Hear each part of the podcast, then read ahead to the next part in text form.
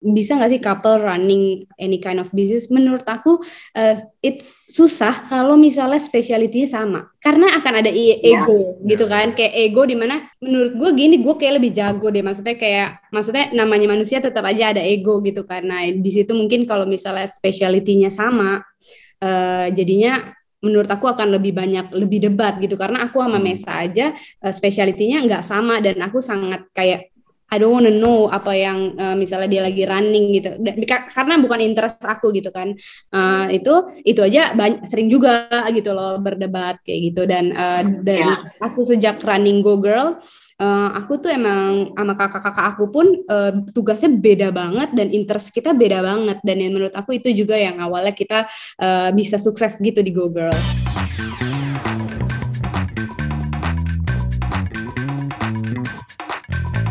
Hey guys, welcome back to Dompet Millennial, a personal finance podcast di mana kita ngebahas tentang savings, investment, dan semua hal-hal yang impact dompet-dompet kita lah.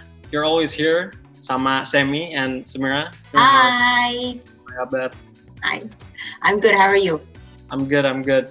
Gimana? I'm I'm excited to talk today karena we we have a very uh, apa ya uh, exciting topic to talk about yang actually related to you in the past in the past yes i love this yeah. topic actually and uh, yeah and i love talking to couples in general iya yeah, yeah. jadi hari ini guys kita bakal ngebahas tentang uh, couples and building businesses together uh, apa aja sih yang yang dipikirkan mungkin pas pertama mulai dan juga pas sudah ngejalanin nih uh, apa aja mungkin challenges and, and struggles and also kayak triumphs-nya yang yang bisa dialami yeah. uh, bareng-bareng jadi jadi hari ini I'm super excited karena kita biasanya cuma ada satu guest. Yes. Hari hari ini this is like two for one special. Yes. Kita, kita, uh, I'm gonna introduce real quick. Uh, kita ada uh, Mesa dan Gita uh, di sini. Hey guys. Halo. Hai. Hai. Hey. Halo. Jadi mung Semi. mungkin aku Samira. halo, halo. Hai. Aku mungkin coba kasih uh, background dulu ya yang, yang aku tahu soal uh, Gita dan dan uh, Mesa. Ya uh, so these guys mereka uh, pendiri dari Maison El Mesa uh, dan uh, yang pertama Gita salah satu juga dulu pendiri uh, Go Girl uh, di mana dia menjabat jadi uh, director of fashion and kecantikannya. Dan juga kita ada uh, Mesa yang uh, apa yang punya uh, career dulu di, di Coca-Cola di pernah sempat uh, kerja dan dan uh, S2 di di Singapura dan sekarang fokus ke ke daerah uh, Maison El, El Maison El Mesa. Nah. Maybe Gita sama Mesa, can you just do a short introduction about yourselves? Jadi uh, halo, gue Mesa bersama Gita kita berdua ngebangun Maison El Mesa.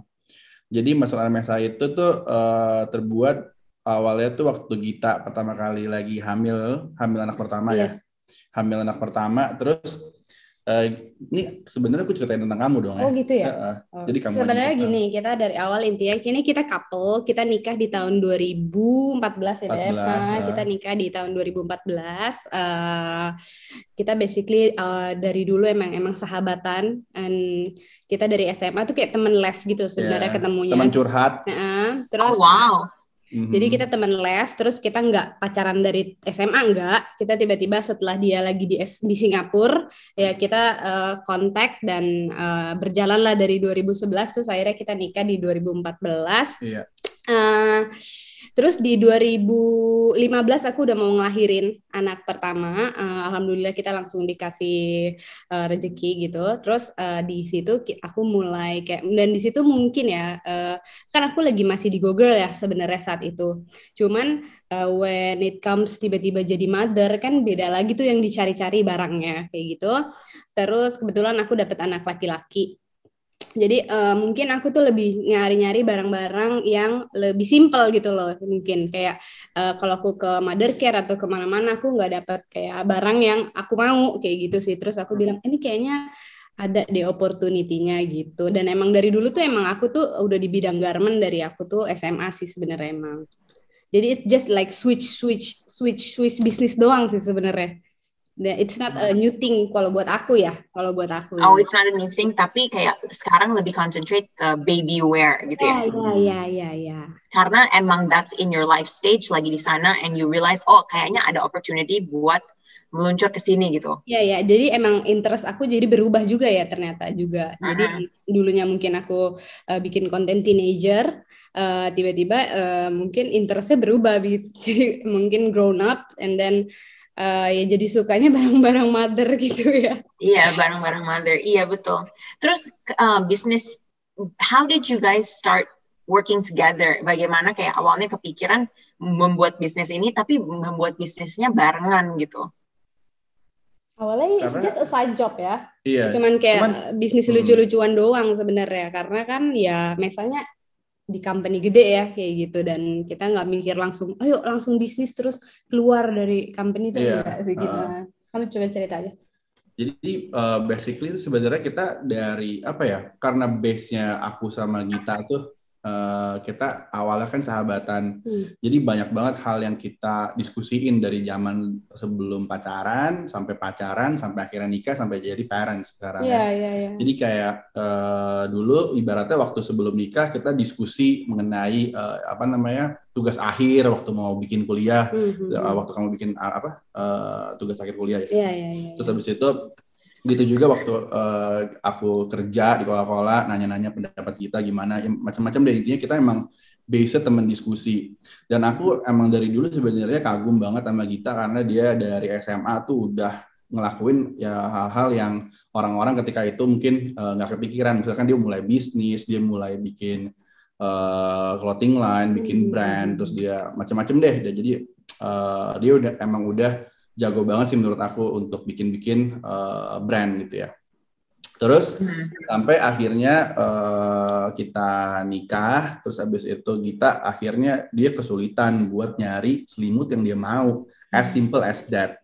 Jadi kayak yeah uh, beb lihat deh di luar negeri tuh selimutnya kayak gini tapi harganya 800 ribu misalkan atau lihat deh di Zara Home bagus banget ya ah, hmm. tapi harganya satu juta bahkan ada yang brand Jepang nih terus karena kita itu udah lama berkecimpungan di dunia garment yeah, di fabric. dunia fabric hmm, channel hmm, yeah. banyak banget jadi dia tahu tempat-tempat di mana producing uh, this fabric gitu hmm. jadi uh, ya udah kita mikir ya udah aku buat aja tapi yeah. ini start small ya, yeah. benar-benar start small. Awalnya bikin ya. buat Nioka, buat anak yeah, pertama yeah, kita. Yeah. Hmm. 2017 ya itu? 2000 Iya, uh, jadi 2016. 15. Jadi sebenarnya kita di 2015 udah uh, bikin buat diri sendiri. Iya. Jadi nggak mau dijual. Jadi Sama. emang aja. Hmm, jadi kayak kita bikin-bikin sendiri terus uh, pas di 2016 anak kedua, kebetulan aku langsung dikasih anak kedua juga, Mesa bilang, kamu nih wacana doang deh bilangnya mau bisnis gitu kan mau mau bisnis selimut nih gitu. Uh, beneran deh coba gitu. Maksudnya kayak uh, even aku yang sering bisnis aja tapi ya emang butuh satu tahun untuk akhirnya aku bener-bener kayak jump to the market yang kayak oke okay, yuk ya udah deh coba jualan ready gitu. gitu udah ready gitu ya. Hmm, hmm, hmm, kayak gitu. Jadi jadi pas pertama uh, kepikiran idenya artinya dari dari kita Mesa nggak nggak kaget atau atau reluctant di mana apa uh, ini ada ide untuk ngebikin produk ini gitu. Maksudnya nggak nanya-nanya banyak. Oh, it makes sense dari skill setnya uh, Gitanya udah udah ada gitu. Respon mesanya gitu.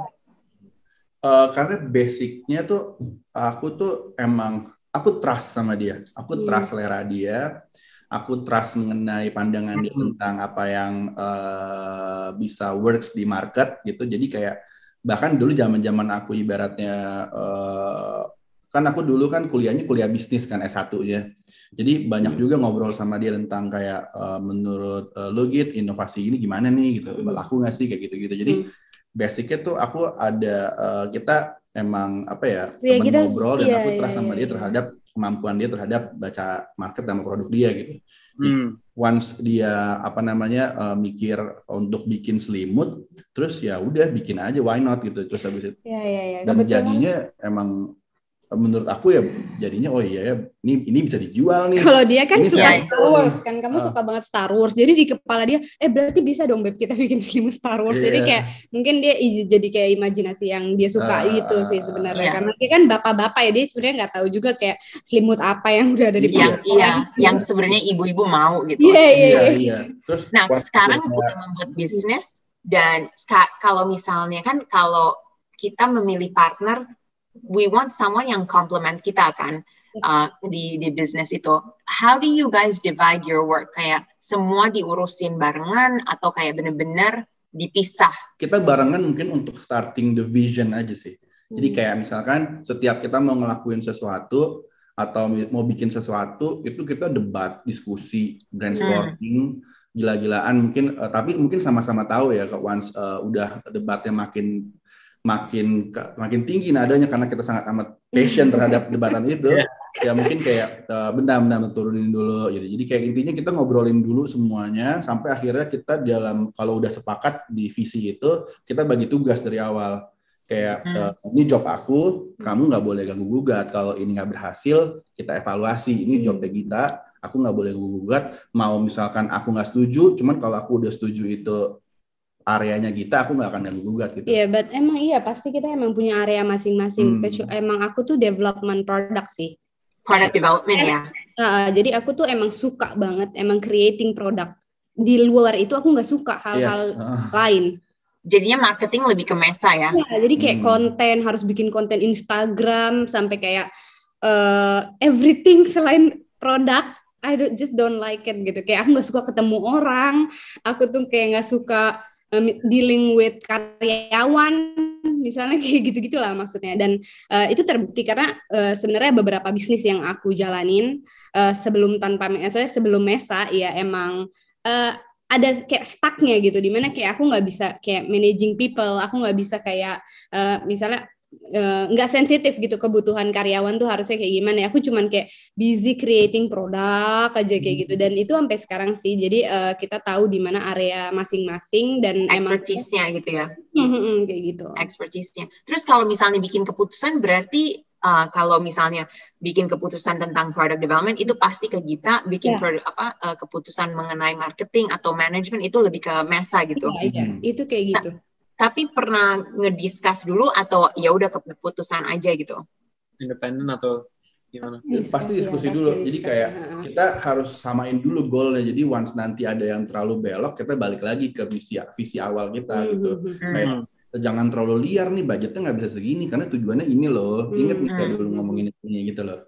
Jadi emang Iya. kita uh, ada garis bawahin visi yang kita sepakati. Habis itu kita masing-masing punya jalan buat mencapai visi Iya, iya, tersebut. iya, gitu. iya, Pokoknya iya, iya. company mindset banget ya. Iya kan?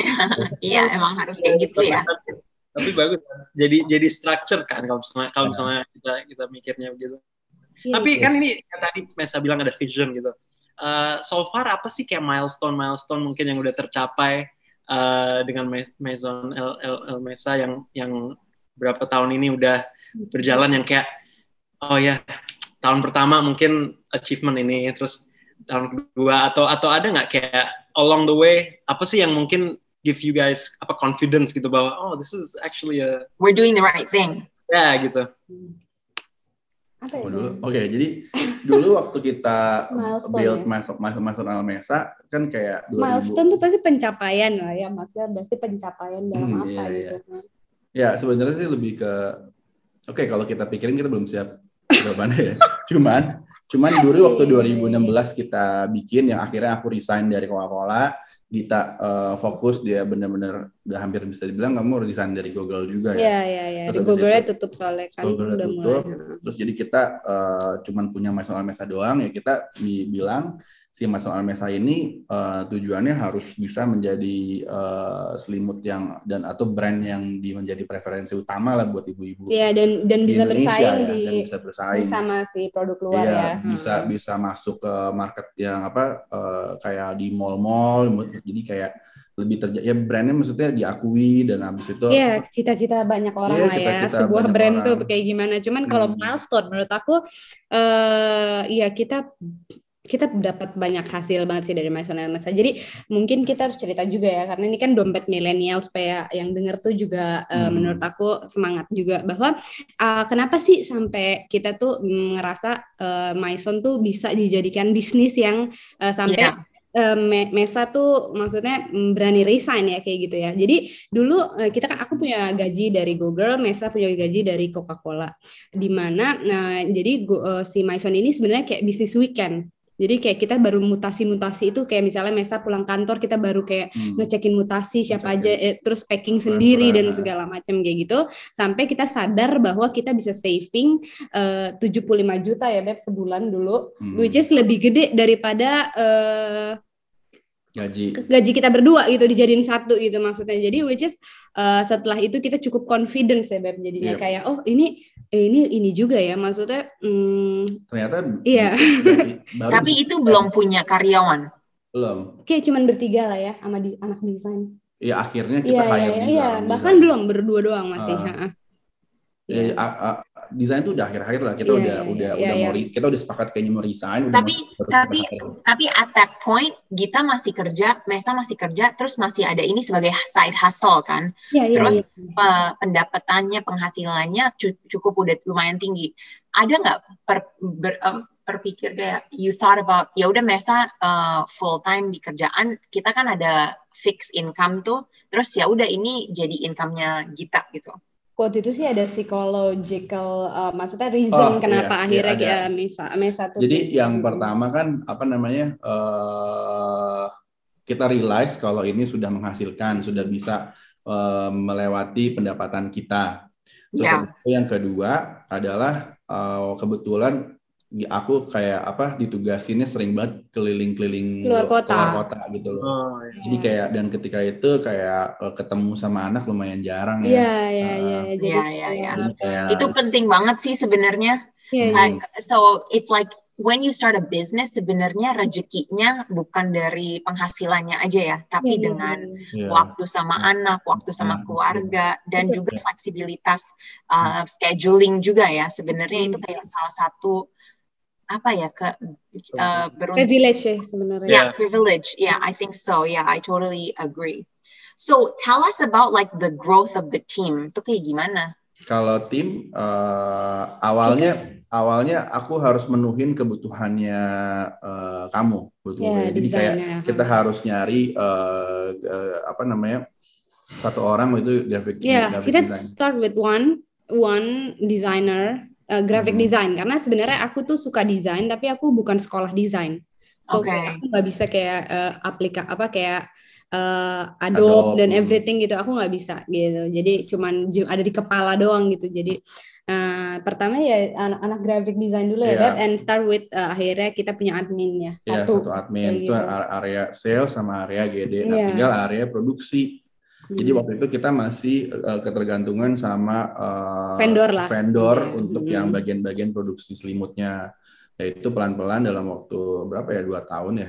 Ya, mungkin itu kita, juga milestone buat kita. Di mana ya. dulu kita misalnya kayak uh, harus bayar banyak ya, maksudnya hmm. gede di sebuah vendor, sampai akhirnya kita punya konveksi sendiri ya. uh, sama si selimut ini, which is membuat kita marginnya akan lebih besar kan, karena kita nggak langsung ke tukang jahit kayak gitu. Hmm. Ya sekarang hmm. sih oh, kita udah berapa orang ya? 18 ada ya? 18 di Wow. Enggak besar. Oh iya, ya yeah. kalau kalau sama penjahit bisa 25 kali ya, ya. 25 hmm, sampai 30 hmm, lah. Yeah. Wow. Penjahit kayak tempat. That's amazing. Ya, yeah, dan dia semua yang ngurusin, aku nggak mau. Wow. wow, amazing banget sih itu. Uh, wow, uh, congratulations guys. Kayak bener-bener, I think that's the, a, a huge achievement banget sih kayak dari berdua terus satu yeah. orang terus sekarang 25 orang terus punya productionnya sendiri gitu ya. Bener-bener yeah, self-made homegrown company banget. Sekarang kita udah ada reseller juga kayak yeah. selain seluruh Indonesia kita juga ada reseller di Singapura, Singapura sama ya, Hong Kong. Hong Kong. Oh wow. Ya karena pandemik ini ya kayaknya yeah, lagi yeah, agak yeah. susah semua. Mungkin kayak gitu-gitu hmm. yang uh, berdampak sama mereka. Cuman hmm. uh, kita sih kemarin evaluasi di 2020 ya kita alhamdulillah banget uh, sedikit banget kayak Ya, uh, kita- pengaruhnya kita si banget pandemi sih, ini sama kayak- kayak, sama bisnis uh, kita sebenarnya. Sempat sempat kita bingung gimana cara bayar gajian waktu uh, lebaran ya. Iya, terus kita jualan masker, terus kita bisa bayar THR. Iya kayak gitu-gitu. Jadi kita tipenya karena kita udah punya konveksi sendiri, jadi kita bisa kayak uh, switch-nya cepet gitu loh. Iya, kayak iya. Switch gearsnya cepat. Iya, iya, Iya, iya. iya, Iya. iya. Dulu Ah, nggak mau, kamu nggak mau, Iya. kamu nggak mau jualan masker kata dia ngapain sih kamu ikut ikutan orang katanya. Bukan ikut Iya. orang kayaknya ini kayaknya cuman aji mumpung banget sih gitu. Terus aku bilang, dia bilang kamu oportunis banget. Orang Tapi emang harus kayak gitu kita kayak semasa Iya. pandemi banyak opportunity yang kita harus ambil sebenarnya to survive ya. But that's that's like amazing. Um, I have a question. Kapan transitionnya antara kayak it's a it's a it's a company antara couple sampai it's a it's a business that you know that kan yang pertama you were apa ya mungkin milestone-nya adalah penghasilannya harus lebih dari salary yang dikombine kan. Tapi sekarang pastinya uh, maybe there was times when you didn't even take salary karena you wanted to grow the business gitu kan. Entrepreneur sering juga kayak gitu. When did it transition daripada okay it's not just about my past salary tapi it's about growing the business and having retained earnings dan aku salah satu kayak ya udah aku uh, salary-nya nggak harus kayak dulu tapi yang asal kita nge-grow bisnisnya gitu when did that transition happen Baru aja ya. Baru banget. Malah baru, banget, karena Jadi kita kayak- baru aja lepas KPR. oh oke Ya, oke Kalau udah lagi udah masih KPR kayak itu udah ya itu kayak stuck stuck right kayak itu harus Iya, dibayar gitu kayak si maksudnya itu kayak mau nggak mau kebetulan akhirnya kita berhasil jual rumahnya yang di KPR kan itu maksudnya bukan rumah kita soalnya terus maksudnya bukan rumah yang kita tempatin I mean. Nah, Oh. terus eh, ya di situ kita langsung eh, rela untuk kayak ya, kemarin kan jadi masuk ke gaji aku padahal sebenarnya buat bayar KPR kayak gitu ya dan ah, di situ di 2020 ya Mhm. akhir malah sebenarnya kita baru aja bilang oh ya udah kita nggak perlu gaji segitu banyak sisanya bisa buat Grow the maksudnya business. iya buat buat Maison aja buat gitu. buat nge-grow gitu ya ya iya iya Wow. Yeah, that's pretty amazing sih. Sebenarnya, so you've been growing, kalau misalnya you don't reinvest the company retain earnings, itu kok bisa tetap growing itu uh, formulanya apa? Kok bisa gitu? Kalau menurut aku kita sebenarnya eh, kalau kalau yang awal-awal kan emang kita eh, dapetin eh, apa ya eh, cash flow-nya itu kan dari masa masa doang gitu kan ya. Maksudnya kayak sembari berjalan dengan kita ba- ada ada ibaratnya kita kan sekarang udah punya konveksi sendiri, apa namanya kita eh, udah punya tim. Jadi akhirnya kita berkembang sebenarnya nggak di masa masa doang iya sebenarnya. iya iya Dan jadi kayak hal-hal itu yang ngebuat kita jadi kayak semakin Ya kita eh, sebenarnya bisnisnya banyak selain Maison Mesa juga Mhm. gitu kayak jadi kayak kantong kanan, kantong kiri, kantong apa karena kan kita juga ngerasa Maison Mesa tuh terlalu berat bebannya kalau misalnya eh, harus kayak nanggung segala hal hmm. yang kita butuhin gitu dan eh, ya emang growing aja sih ya kayak gitu. Iya, maksudnya Grow- kayak masuk MSA juga bisa berkembang dengan nambah modal, dengan nambah itu, dengan bantuan dengan bisnis-bisnis yang uh, se- gitu se- ya. sebelahnya Iya, gitu. iya, Jadi iya. kayak kayak Ya kayak kadang-kadang kita hmm, pinjem bank juga sih. Iya. Iya, kadang kayak eh, ada saatnya emang kita pinjem bank kayak suntik kayak kayak misalnya kita harus eh, beli bahan yang sangat besar di pabrik gitu ya. Mhm. Sekarang karena begitu kita lagi scale kita kan udah lebih besar dulu kita bisa beli di pasar gitu ya ibaratnya ya.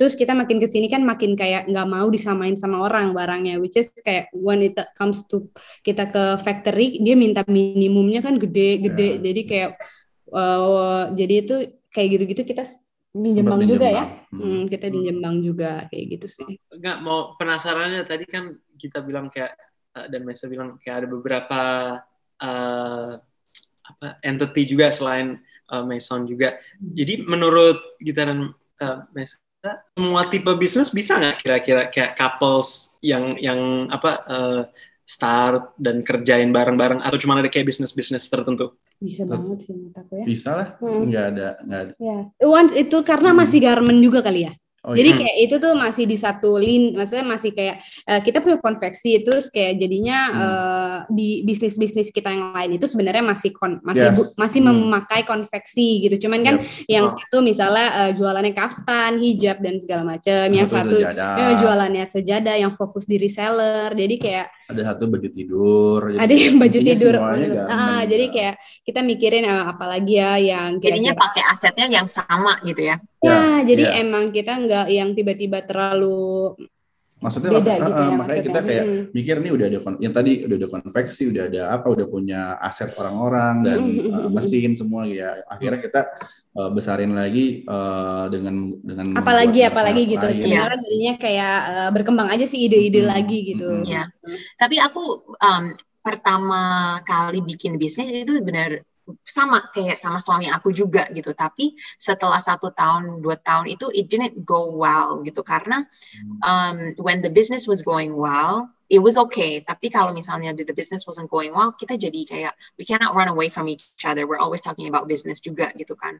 So I think that it's very impressive gitu to see a couple that is growing a very successful business gitu and kayaknya kalian tuh udah tahu strength-nya masing-masing juga gitu.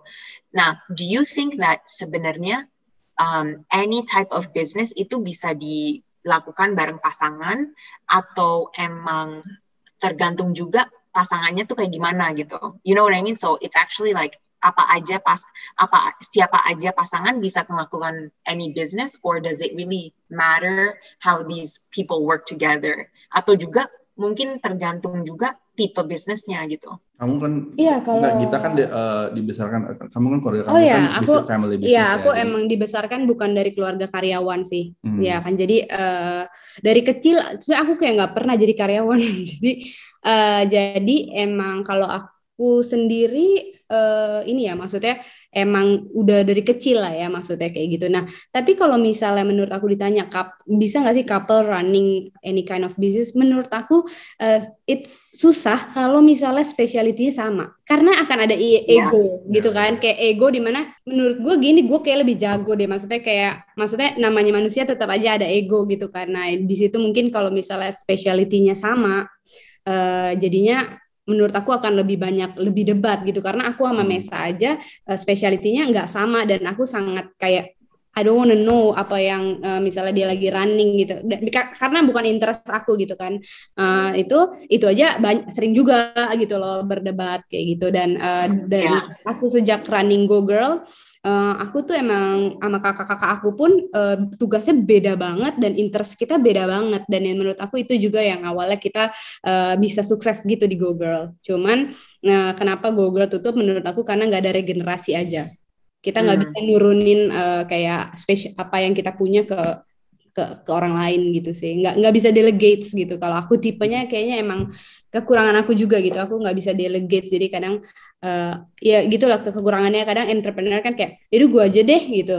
Lu nggak bisa gitu. Padahal kan harusnya kan kayak harus delegate coaching dan Iya. segala macam gitu. Iya betul betul. Jadi yang emang yang yang interesting soal kayak couples dan and apa berbisnis bareng karena kan yang tadi Mesa bilang juga kan it's passionnya di situ gitu. Kayak uh, apa there's emotion involved juga kan kadang-kadang with with making a decision Mhm. uh, gimana kalau misalnya kita ngelihat di company besar atau atau mungkin orang-orang yang mungkin nggak keluarga atau nggak pasangan uh, kadang-kadang uh, penimbangan decision makingnya tuh faktornya beda kan. Nah kalau untuk uh, kalian berdua tuh uh, what's what's that what's that feeling kayak untuk growing of the business itu decision making prosesnya apa has it gone more logical atau passionnya masih ada di situ atau gimana tuh? lebih kayak pakai hati atau pakai logic doang gitu Iya. ha-ha. Progressionnya apa selama berbisnis bareng tuh udah udah gimana sekarang? Hmm. Kayak misalkan hmm, tadi pagi ya. iya tadi pagi kita Ah. baru aja debat Tadi pagi habis bangun tidur, habis jalan, sekatu keliling, terus duduk sarapan, terus kita ngomongin kayak dia habis baca buku lah intinya terus dia Ah. kayak jadi pengen eh eh, sharing gitu kan ya Hmm. sharing apa yang aku dapat, terus habis itu kayak eh ya kita eh, debatin masalah kayak apa namanya? Uh, ya jadi dia punya ide bisnis baru lah intinya hmm. kayak gimana sih uh, nanti supaya kita tuh uh, punya passive income intinya kayak gitu ya kita debat banget sih ya Beb. Ya. Iya iya, hmm. iya. Cuman aku rasa hmm, aku sama Mesa itu karena kita uh, berawal dari teman yang emang teman diskusi banget yeah. juga jadi uh, kita komunikasinya sih ya ya cukup lancar, lancar ya. uh, jadi ada momen yang misalnya tense parah ya maksudnya hmm. tense ya aku tahu mungkin kita berdua know when to stop gitu kayak eh cukup deh ntar deh nanti dulu deh gitu hmm. nanti dulu tapi deh. foundationnya kuat ya soalnya you guys have known each other for a while so I think uh, foundationnya kuat banget maksudnya for the business to have ya udah masalah-masalah kecil tapi you guys udah ngerti sebagai pasangan dan ngerti sebagai business partner what your strengths are juga. Ya, yeah, yeah, jadi kayak yeah, once yeah. itu udah, oh ini kayak belum belum bisa nih untuk mencapai kesepakatan, kita back off dulu, yeah, yeah, tenangin yeah, dulu, yeah, mikir yeah. sendiri lagi, hmm. akhirnya kita bahas lagi besok. Jadi kayak gitu sih. Jadi lebih ke, misalkan aku punya satu visi dan aku pengen kita juga visinya sama. Setuju gitu. gitu. Juga setuju itu kan kayak uh, visi aku kan berarti ada passion aku yang kayak ini masuk Amesa nih kita harus gini, harus gini, gini, gini hmm, ke depannya hmm, dalam hmm. waktu setahun harus gini, gini, gini. Nah kita uh, kurang setuju di bagian gininya. Nah itu emang emang emang pasti uh, ada passion dan ada logical masing-masing kita pasti yeah. berbeda kan. Tapi ya uh, ujung-ujungnya sih biasanya sih ujung-ujungnya dari ber, uh, sekali dua ya. kali tiga kali akhirnya ketemu dan kalau udah ketemu udah udah udah sepakat ya udah bagi tugas langsung oke okay, kamu tugas segini ya beb aku tugas segini. Yeah, yeah, yeah. So thank you so much Gita and Mesa. Jadinya hari ini kita lagi belajar banyak dari couple entrepreneur, how they started their business, uh, kenapa mereka decide untuk resign dan bikin bisnis bareng ini gitu, Maison El Mesa. So we've really learned a lot um, tentang bisnis mereka, tentang penghasilan mereka juga ya Sam. Ya, uh, jangan lupa guys, pokoknya uh, ini baru part pertama dari interview kita sama mereka. We're gonna continue it again in in a upcoming episode and all about more about their emotions as a couplepreneur. Yeah. Yeah. yeah. So I'm excited about that. Yeah. Okay. Thanks, guys. Don't forget to uh, check us out di Dompet Millennial at Instagram. Kita juga di Spotify dan all the other um, uh, networks that you can find our podcast. And kalau misalnya ada insight atau feedback, jangan lupa buat uh, kasih tahu aja. Yeah. Thank you guys. Yes, yes.